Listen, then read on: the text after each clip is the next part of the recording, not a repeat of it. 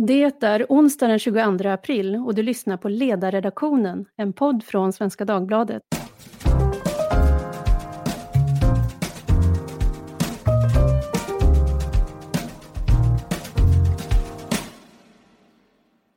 Jag heter Tove Livendal och idag ska vi tala om hur coronakrisen påverkar skola och utbildning i Sverige. Vad innebär de åtgärder som hittills har vidtagits? Vilka konsekvenser kan vi räkna med framöver? Men också, finns det någonting av det som sker nu som är positivt? Med mig för att tala om detta idag har jag Hans Jakobsson som är rektor vid ABB Industrigymnasium i Västerås. Välkommen! Tack så mycket! Eh, här finns också Hamid Safar som är skolchef i Mullsjö kommun. Välkommen! Tack så mycket! Och eh, vi har också Isak Skogstad som gäst som är skolpolitisk expert hos Liberalerna och utbildad gymnasielärare. Välkommen till dig också! Stort tack! Ja, coronakrisen påverkar ju alla delar av vårt samhälle nu och skolan och utbildningsväsendet i hög grad. Den 13 mars ställdes högskoleprovet inför 70 000 anmälda.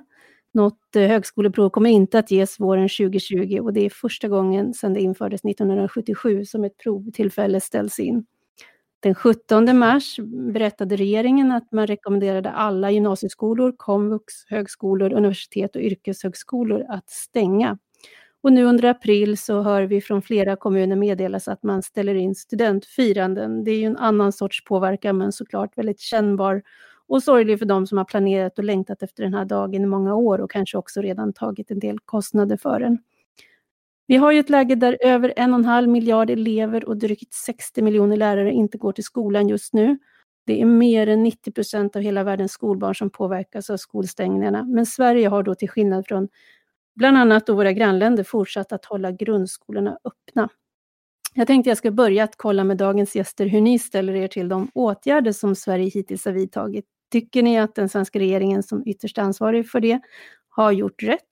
Vad säger eh, Isak? Ja, det enkla svaret är ju att vi inte har något svar på det. Jag tror personligen att man har gjort ett välavvägda beslut genom att hålla verksamheten för de yngre barnen öppet, det vill säga förskola och grundskola, medan man för de äldre eleverna och för vuxenstudenter har eh, helt enkelt övergått till distansundervisning. Jag tror att det är en klok avvägning där man ser till att samhället i övrigt kan fungera relativt smärtfritt eh, om man Alltså om man stänger ner för och grundskolor så kommer det påverka 35 000 vårdanställda som behöver gå hem och ta hand om sina barn.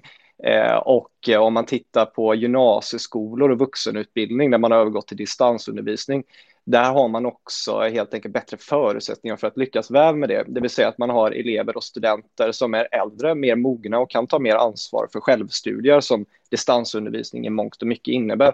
Så att vi får helt enkelt vänta och se. Det här kommer ju utvärderas internationellt och man ser vilka effekter olika typer av åtgärder inom skolområdet har. Men jag tror och tycker mig se att mycket tyder på att vi har valt ett välavvägd väg här. Mm. Vad säger Hamid? Nej, alltså, det blev ju väldigt tydligt i ett tidigt skede av den här pandemin att eh, stort fokus lades på skolan och förskolan runt om i Europa och inte minst i Sverige huruvida man skulle stänga skolorna eller inte. Och så här i efterhand kan jag tycka att det var lite fel fokus utan det man istället borde ha fokuserat mer på är att säkerställa eh, att eh, viruset inte kommer in på äldreboendena. Men istället var väldigt mycket fokus initialt på skolornas stängning eller icke-stängning. Och det är jag väl lite kritisk till så här i efterhand. Men samtidigt så är det såklart att vi hade inte facit. Vi la vägen medan vi gick på den. Och eh, nu så här, eh, nu när vi kan dra några få enkla slutsatser så ser vi också att det, det beslutet som regeringen valt att fatta att hålla skolorna och förskolorna öppna eh, måste väl ändå säga var, var det mest rimliga eh, så här i efterhand. Men eh, ännu för tidigt att säga någonting om eh, de långsiktiga konsekvenserna av det hela. Vi har också eh, nationella prov som har ställts in för första gången. Mig veterligen har de nationella proven aldrig ställts in, ställts in tidigare sedan de infördes. Och givetvis så påverkas ju skolan även om man i Sverige valt att hålla skolorna och förskolor öppna. Mm. Vad säger du Hans? Ja, nu har ju jag hand om eh, gymnasieskolan och det har ju fungerat över förväntan bra, med all respekt för de som har väldigt jobbigt med distansformen. Men jag håller med Hamid och Isak att eh, det tycker jag är, rimligt att ha eh, skolorna öppna med, med, ja vi har inte hela facit i hand men just nu tycker jag att eh, det känns väldigt bra och viktigt att det har varit så. Jag tror att konsekvenserna hade varit enorma i förhållande till vad man hade vunnit. Sen är ju inte jag mm. skyddsexpert på något sätt men eh, jag, jag, tycker att det ser ut som att det har, har varit rätt beslut då, och, och rimliga avvägningar hela vägen tycker jag. Isak, du som är i politiken, det går inte riktigt att se några tydliga politiska skiljelinjer nu vad gäller de här åtgärderna, eller vad säger du? Nej, jag är beredd att hålla med på den punkten. Det har varit en relativt stark konsensus. Naturligtvis som i alla stora frågor så har det funnits enskilda avvikare, men min upplevelse är ändå att eh, de flesta partier, kanske något frånsett Sverigedemokraterna, har varit relativt eniga om den vägen som regeringen har valt, det vill säga vägen att eh, inlyssna Folkhälsomyndighetens rekommendationer. Men jag tycker även att, jag vet att Sverigedemokraterna var väldigt tidigt ute och begärde att alla skolor skulle stängas ner. Men det tonades ner relativt fort. Eh, varför man släppte det kravet vet jag inte, men jag tror att man insåg att det var en större risk förknippat med att gå i polemik i en sån stor fråga. Men jag upplever, om, från politikens värld så upplever jag att det här är liksom ingen stridsfråga. Man är beredd att sluta upp och göra gemensamma beslut och inte, man undviker helt enkelt en politisk strid om de här frågorna. Eh, så jag tycker det ändå är glädjande i sammanhanget att eh, det finns en så pass bred uppslutning kring eh, eh den här vägen att lyssna in expertmyndigheternas rekommendationer. Jag undrar hur, eh, apropå att lyssna in myndigheterna, för att det finns ju en pågående diskussion i alla möjliga led om, om hur man ska tolka de rekommendationer och instruktioner som kommer. Jag fick eh, som vårdnadshavare ett mejl från en av mina söners skola och de meddelade att kommunen, som i det här fallet är Uppsala, de eh, menar då att elever som är friska trots att de har anhöriga i familjen som är drabbade av coronaviruset, de ska ändå gå till skolan. Eh, men skolan meddelade att de eh, går emot de direktiven och uppmanar sina elever att har man vårdnadshavare, syskon eller andra anhöriga i familjen som har coronavirus, då ska man också som elev stanna hemma i minst 14 dagar, även om man inte har symptom. Då, den här frågan kanske skulle ställas till Folkhälsomyndigheten, men har ni också fått indikationer på att det finns skillnader mellan hur skolor och kommuner tolkar de råd som kommer från regering och myndigheter? Nej, jag, jag känner till det här och eh, jag är också i den sitsen att jag får den här typen av frågeställningar från vårdnadshavare nästan dagligen. Eh, där det finns en stor oro, framför allt från vårdnadshavare som upplever att det är, alldeles för osäkra direktiv som har gått ut från Folkhälsomyndigheten där de menar att eh, eh om en vårdnadshavare har drabbats av viruset eh, medan barnen är friska, att föräldern ändå ska släppa barnet till skolan. Att det upplevs alldeles för otryggt. Eh, men sådana har ju direktiven varit från Folkhälsomyndigheten att friska barn som inte visar några symptom ska gå i skolan och ha skolplikt. Eh, medan sjuka barn, eller som på ett eller annat sätt är sjuka, ska stanna hemma. Eh, och det, det, är klart att då blir det en situation där föräldrarna känner att det är orimligt att de ska skicka barnet till skolan när de själva kanske har drabbats av viruset. Så att det här är inte en, och jag vet att det har tolkats olika av vissa kommuner och huvudmän. En skola i Göteborg exempelvis eh, trotsade eh, förvaltningens eh, direktiv och valde ändå att gå emot direktiven där man menar att barnen ändå ska stanna hemma om vårdnadshavare har viruset. Isak, du hade också hört om sådan Ja, nej, men jag instämmer i den bilden som Hamid ger, men sen så tycker jag att det finns ytterligare en aspekt på den frågan och det är just det här med hur vårdnadshavare tolkar myndighetsinformation. Det, men det är lätt för alla oss som deltar i den här podden nu att, eh, att följa de dagliga nyheterna och hålla oss uppdaterade vad som sägs från myndigheterna och i debatten i övrigt.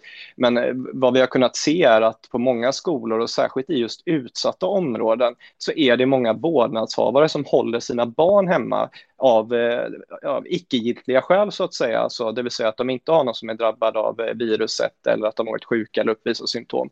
Och eh, på Hammarkullen eh, i Göteborg som är en utsatt stadsdel, där var det en skola där bara i början av krisen så var det 130 av 440 elever som närvarade och enligt den rektorn på skolan, hon menade att eh, en anledning till det kan vara att många av de här föräldrarna följer nyhetsrapporteringen från sina forna hemländer istället. Så de tar inte del av den myndighetsinformation som annars finns tillgänglig. Så man har ju dels problemet att det ibland har varit otydligt och eh, inte jättetydligt i hur man ska agera vid olika situationer, exempelvis då om det finns någon i familjen som är i en riskgrupp eller har burit på symptom, vad ska man då göra med barnen och skolgången? Men sen utöver att det kanske har varit otydligt och det får man ha respekt för att det är ett helt nytt virus, man har inte alla svar från början om man lappar efter läge. Eh, men sen har vi också det att alla nås faktiskt inte av den här myndighetsinformationen. Problemet har varit stort i Malmö och där vet jag att vi har haft eh, kommunalråd som har sett till att skicka ut information till vårdnadshavare på olika språk då, med information om viruset och de svenska myndigheternas rekommendationer och upplysning om att skolplikten gäller faktiskt fortfarande. Eleverna ska gå i skolan om de inte är sjuka eller på grund av andra giltiga skäl. Eh, Medan man i andra, i många eh, föräldrar som kommer från andra länder, i deras hemländer eller forna hemländer, så har man ju haft mycket mer restriktiva åtgärder och skolstängningar är ju snarare eh, regel än undantag globalt sett. Som du nämnde inledningsvis så är det ju liksom 191 länder som har stängt ner sina skolor. Sverige sticker ju ut där. Så följer man rapporteringen enbart från andra länder så kan man få en missvisande bild och kanske en ökad oro, vilket leder då till att de här utsatta grupperna och barnen i dem just hålls hemma utan anledning. Hamid, det är någonting som du känner igen? Uh, nu jobbar jag inte i ett område som är utsatt, men jag, jag, jag håller med Isak att uh, det finns en uh, risk att myndighetsinformation i Sverige inte når uh, vårdnadshavare som har bakgrund i andra länder och att man snarare lyssnar på nyhetsrapporteringen från hemländerna, deras tidigare hemländer. Och det blir en det har också, jag menar, vi vet ju också att eh, människor och invånare i de utsatta områdena i ett tidigt skede var överrepresenterade i statistiken. Eh, och då försökte man åtgärda det på olika håll, bland annat på myndigheterna, att man skulle översätta information till olika språk. Men jag har väldigt svårt att tro att man eh, i första hand i dessa områden vände sig till myndigheternas hemsidor för att leta upp information där, utan att man primärt hämtar information eh, på annat håll. Eh, på lokal nivå eh, genom satellit-tv eller motsvarande. Så att det har varit en komplex uppgift för myndigheten att kunna nå ut till de allra mest utsatta grupperna i samhället. Det är helt klart. Isak, om du tittar liksom om man tittar på liksom den generella bilden över svenskt utbildningsväsende, vad, vad ser du då? Vad är liksom, vilka, vilka slutsatser kan man dra så här långt? Hur, hur, hur klarar vi oss? Håller det på att braka ihop eller är det väldigt partiellt? Vad funkar, vad funkar inte? Ja, men jag tror att, eh, eller min bild är väldigt tydlig så att på det, på det stora hela så har det under eller efter omständigheterna fungerat relativt väl. Och då tänker jag framför allt på gymnasieskolans hastigt uppkomna omställning där lärare i princip över en natt fick övergå till distansundervisning och lösa alla praktiska problem som det innebär med examinationer och praktiska moment i utbildningen och allt sånt. Eh, Sverige hade ju ett relativt gott utgångsläge för en sådan omställning från start, det vill säga vi hade en väl utbyggd digital infrastruktur. Vi var ett av de mest digitaliserade länderna eller skolnationerna i hela världen. Alla elever hade i princip en egen skoldator. Internetuppkopplingen i hemmen är god. Så att förutsättningarna för Sverige och svensk skolas del var ju relativt goda från början. Så det har väl gjort att omställningen för gymnasieskolan blivit relativt smärtfri. Sen så är det ju ett annat problem som kanske inte uppmärksammas så mycket är just att vuxenutbildningen också övergått till distansundervisning.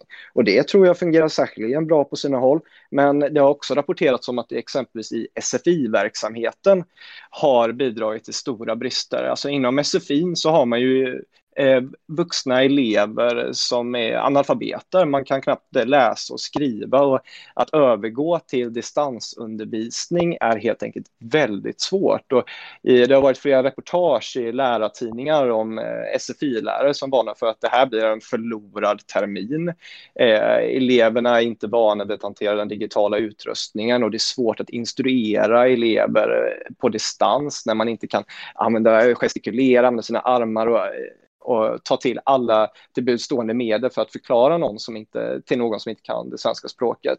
Eh, så att jag tror att det ser väldigt olika ut, men generellt sett, om man tänker de rådande omständigheterna och att Sverige genomgår egentligen en eh, nationell kris nu mer eller mindre, så tycker jag ändå det fungerar relativt väl. Vi kan ju visserligen se att eh, lärare även i grundskolan rapporterar om att arbetsbelastningen har ökat drastiskt. Båda lärarfacken har varnat för detta. Vad vi kan se är att lärare som är på skolan får täcka upp för eh, stor frånvaro hos andra lärare som stannar hemma på grund av symptom.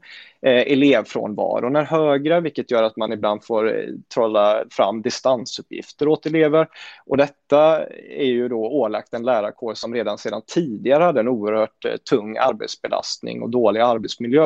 Så att jag tror att eh, vi kanske kan hålla ut under en begränsad period, men blir det här långvarigt så kommer vi få se allvarliga problem för elevernas kunskapsresultat och för lärarnas välmående och för hela den svenska skolan i förlängningen. Ska vi ta och lyssna med Hans då, hur det fungerar på golvet? Hur, ni har kört distansundervisning en månad nu ungefär. Hur, hur ser liksom vardagen ut och hur har det fungerat?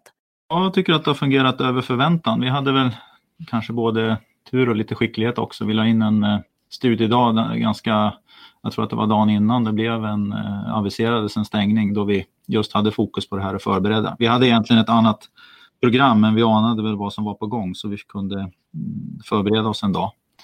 Men det har, eh, jag tycker att det, det, är ju olika nivå förstås på kunskaperna hos lärare när det gäller digitala hjälpmedel och sådär. Men där har liksom alla levererat och kommit upp på en nivå så att, det, så att det fungerar. Och inte minst har lärare och elever på ett föredömligt sätt hjälpts åt att eh, få det att fungera.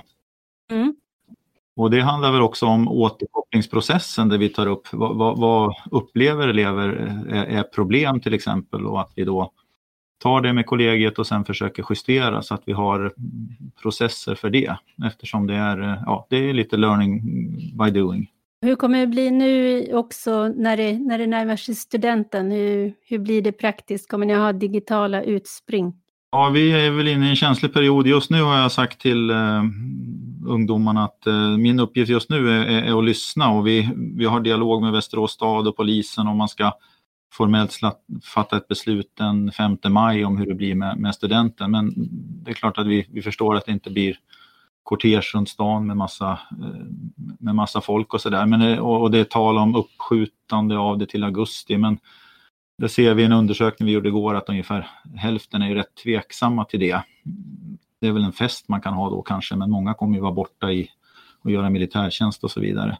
Så att man vill ju kunna göra eh, en ceremoni den 5 juni som, som eh, ja, så gott det går så att säga. Och då får vi se vilka anpassningar vi behöver göra och det, det håller vi liksom med, på med ett tankearbete kring. Hur har det fungerat, jag menar bara en sån här sak som närvaro. Eh, hur sköter sig eleverna? Slackar de eller ja. sitter de där?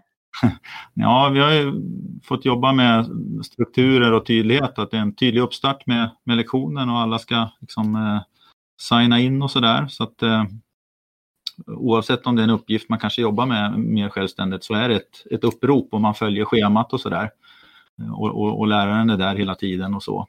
Så att eh, numera är det ju alltid, jag menar vi har haft en bra närvaro annars också, men nu är det i regel alla där. Även de som kanske är lite småkrassliga kan ta sig upp ur sängen och vara med. Så det är väl eh, om, om eh, som Isak säger att eh, närvaron är problematisk i grundskolan så har den nog snarast ökat i gymnasiet.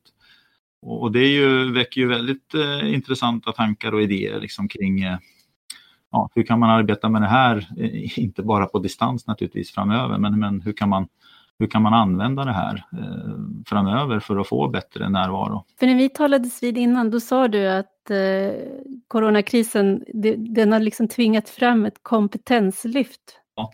eh, i skolan. Kan du berätta hur du menar?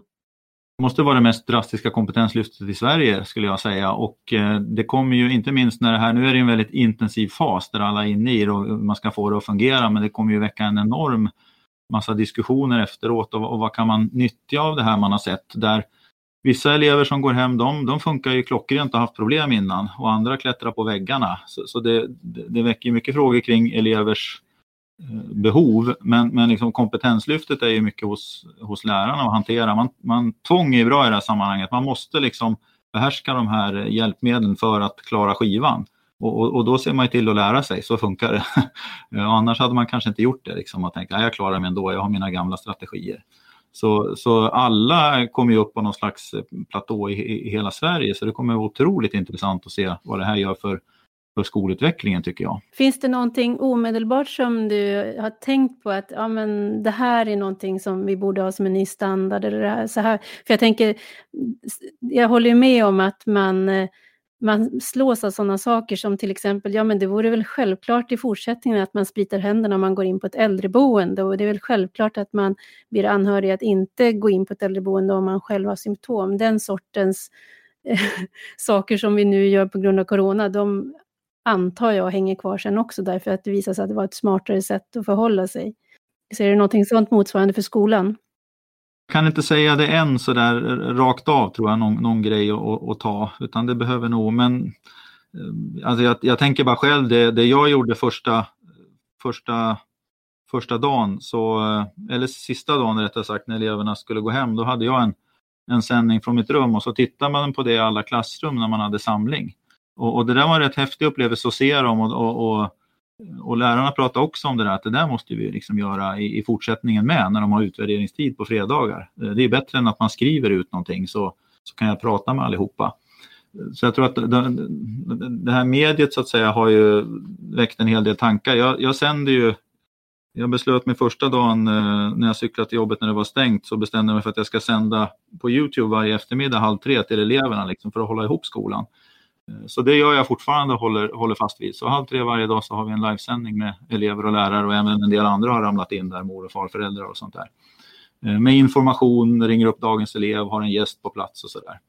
Eh, så, ja, så lite sånt att, att fortsätta med. Men, men annars har jag inte någon specifik grej än så länge. Det återstår nog lite analysarbete där.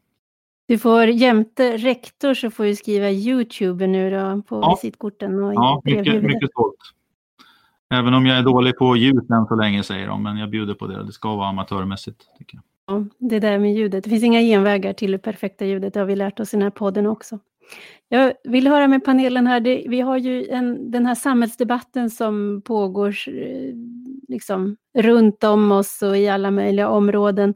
Så ser man ju då och då att det liksom ljudet när liksom folk tar sin käpphäst och rider ut ett varv och säger att coronakrisen visar att jag hade rätt hela tiden. Och vad, vad, har vi ser, vad ser vi i de termerna när det gäller skolfrågor? Jag menar, det finns ju sådana här saker som handlar om betyg och friskolor och sånt där som vi diskuterade innan coronakrisen, men nu såg jag att det börjat komma politiska utspel rörande gymnasielagen eftersom krisen gör det svårt eller möj möjligen omöjligt då för personer det berör att nå kraven.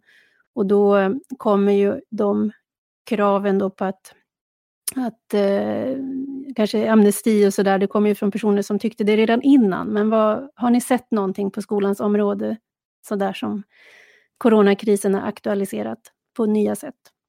Ja, men jag kan köra från skolans värld. Då är ju frågan om digitalisering har ju eh, ja, under de senaste åren i svensk skoldebatt varit ganska stor debatt kring det. Eh, där det har hörts eh, mer kritiska röster och i det lägret har ju jag ingått i och så har det hört mer progressiva och positiva röster där eh, stora delar av skolsverige har befunnit sig i skulle jag vilja säga. Och nu kan vi ju se att eh, OECD, de som genomför den här PISA-organisationen, går ut och säger att det här innebär en revolution för skolan och eh, skolan kommer aldrig återgå till det normala efter detta i princip jag, jag är ju fortsatt skeptisk på det sättet. Jag ser väl att det är väldigt bra att man har kunnat göra den här omställningen och nyttja den potentialen som ändå finns till att övergå till exempelvis till distansundervisning eller att förlägga en del möten på distans och allt vad det kan vara. Men på det stora hela så tror jag snarare att vad den här krisen kommer lära oss inom skolvärlden är just att återuppvärdera det fysiska mötet och den sociala interaktionen som just skolgång innebär. Och jag tror att även om det som tidigare nämndes innebär en viss eh, kompetenshöjning när den blir indirekt påtvingad lärarkåren att övergå till digitala hjälpmedel så tror jag dessvärre på det stora hela att det snarare kommer att resultera i ett kunskapstapp eh, totalt sett eftersom mängder med just studier där man har mätt effekten av distansundervisning för högskolestudenter har ju visat på påfallande negativa effekter och då särskilt för socioekonomiskt missgynnade studentgrupper. Och det finns ingen anledning att tro att detta inte skulle gälla även för yngre elever som har ännu ännu sämre kognitiva förmågor och möjlighet att hantera ett ökat eget ansvar. Så att eh, även om jag tror att många av de förändringar som uppstått i och med coronakrisen kommer att leva kvar och vidareutvecklas på ett positivt sätt, så tror jag fortsatt att vi inte kommer se den här revolutionen som alla säger kommer eh, eh, ja, helt enkelt genomföras i skolan vad gäller digitalisering. Jag tror inte vi är där än och det av goda skäl. Helt enkelt för att vanlig traditionell lärarledd undervisning är mycket mer effektivt än den distansversionen och där eleverna ska ta ökat eget ansvar och så. Så att eh, eh, det är många som har varit glada över den här eh, övergången, men jag tror att det är ännu fler som kommer bli gladare över återgången till vanlig skola. Ja, jag både håller väl med och, och inte i det eh, Isak säger. Alltså jag tror att en, en förutsättning för att man ska kunna titta på de möjligheter som digitaliseringen ger, det är ju att man har en, en, en högre kunskapsnivå och förstår verktygen. Då kan man ju börja diskutera det och det, det kommer vi närmare en sån situation. Sen tror jag inte, jag tror ju aldrig på varken det ena eller det andra. Jag tror inte på en revolution, eh, utan man behöver, eh, man behöver använda båda bitar. Men det vi kan se till exempel rent helt uppenbart är ju att Eh, om man tänker på skolan och, och likvärdighet att vara i skolan så kanske det är elever som får ägna 50% av sin energi åt det sociala spelet när de är i skolan. Och, och när de eh, är i ett annat sammanhang så kanske de kan lägga 100% eh, fokus på det, de, på det de ska göra. Så att jag tror att det finns goda möjligheter liksom att, att, att, att kombinera. Och jag ser ju ja, jag ser ljus på de möjligheter som finns. Och det handlar inte om att nedvärdera liksom, läraryrket utan snarare att komplettera, eh, komplettera det, det, vanliga lärarhantverket. Och där tror jag det finns många möjligheter på det här området. Mm. Hamid, vad har du sett när det gäller gamla frågor in i skepnad? Ja, jag ser både risker och möjligheter här utifrån det vi, det vi befinner oss i, i skolans värld. Jag, jag, tänker att på kort sikt så tror jag att Eh, Eh, det skapas en större ödmjukhet och förståelse för lärarnas uppdrag nu när väldigt många elever är hemma och får eh, distansundervisning och fjärrundervisning hemma. Och eh, det är inte, jag menar en förälder som är hemma med sitt barn inser också att det är inte ett enkelt uppdrag att bedriva undervisning. Så jag tror att det kanske på kort sikt lyfts lärarnas status.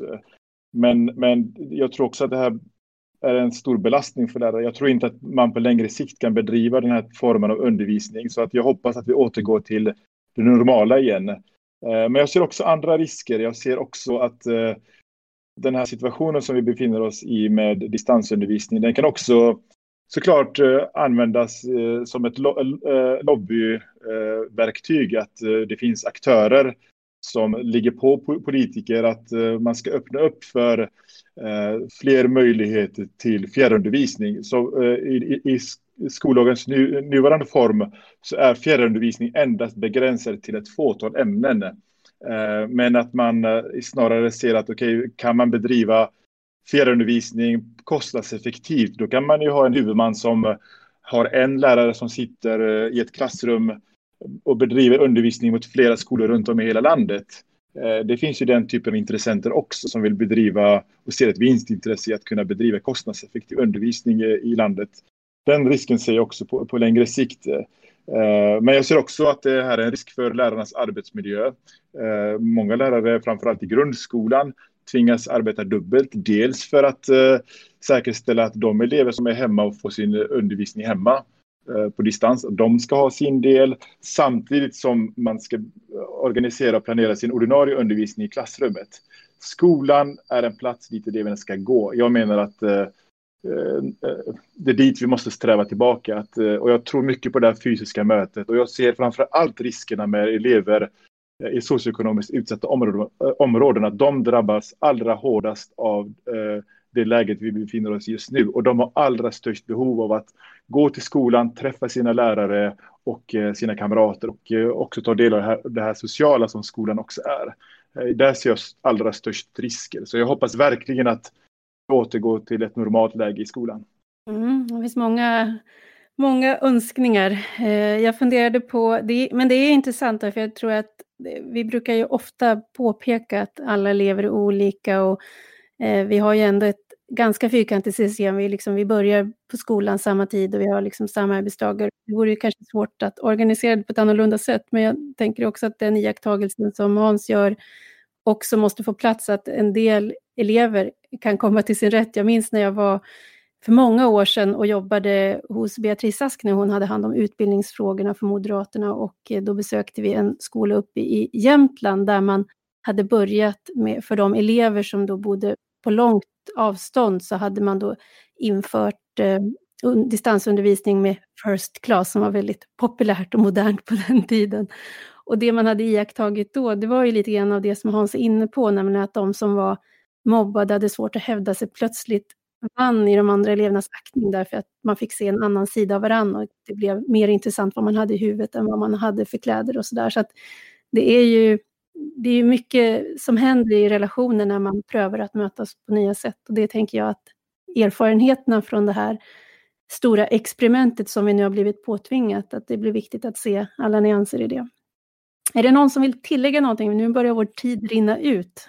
Ja, men jag, vill, jag vill bara kort säga att det är klart att det är jätteolika elevgrupper man, man pratar om här och det är klart att det fysiska mötet är extremt viktigt men min, liksom, mi, mina positiva inlägg här de utgår ju från, helt och hållet liksom från vad jag kan se att man kan hjälpa elever med och deras behov. Sen om det finns eh, liksom en, ett missbruk så att säga av det här från aktörer så är det sorgligt men jag, jag utgår liksom i de i, i de här optimistiska prognoserna, det man kan ta med sig, så tror jag att man kan göra, göra skillnad och hitta vägar och, och komma längre helt enkelt.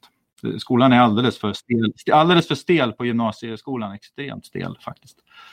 Nej, men alltså jag tror att de flesta av oss kan nog vara relativt överens om att eh, man kan nyttja exempelvis digitala distanslösningar som komplement till den ordinarie undervisningen. Men jag tror att den gruppen som tänker sig att eh, revolutionen ska innebära att eh, den vanliga traditionella undervisningen försvinner och blir helt passé, att den gruppen är minoritet och att de eh, gång på gång har Eh, blivit motbevisade. Så att eh, låt oss kanske enas i, i tankegången om att eh, vi kan se detta som en möjlighet till komplement i framtiden för vissa fall eller för elever som har särskilda behov eller dylikt, men kanske inte som det allenarådande metoden i svensk skola. Det låter som en väldigt nu, nu slutar vi medan vi är överens, den svenska konsensus. ja, allenarådande metoder vill vi inte ha. Så nej. nej. Men hörni, stort tack för att ni kunde ta er tid att tala om detta dag. Eh, jag hoppas och uppmanar er att ta ansvar för att vi tar med oss alla erfarenheter vi får nu i den debatt som kommer att komma sen när vi väl är ur krisen, nämligen då frågan vad ska vi dra för lärdomar av det som hände och vad ska vi ta med oss? Då kommer ni alla att behövas i den. Stort tack till Hans Jakobsson från ABB Industrigymnasium, Isak Skogstad från Liberalerna och Hamid Safar från Mullsjö för att ni var med idag. Stort tack också till er som har lyssnat. Har ni frågor eller funderingar så hör ni av er till ledarsidan svd.se. Tack för idag.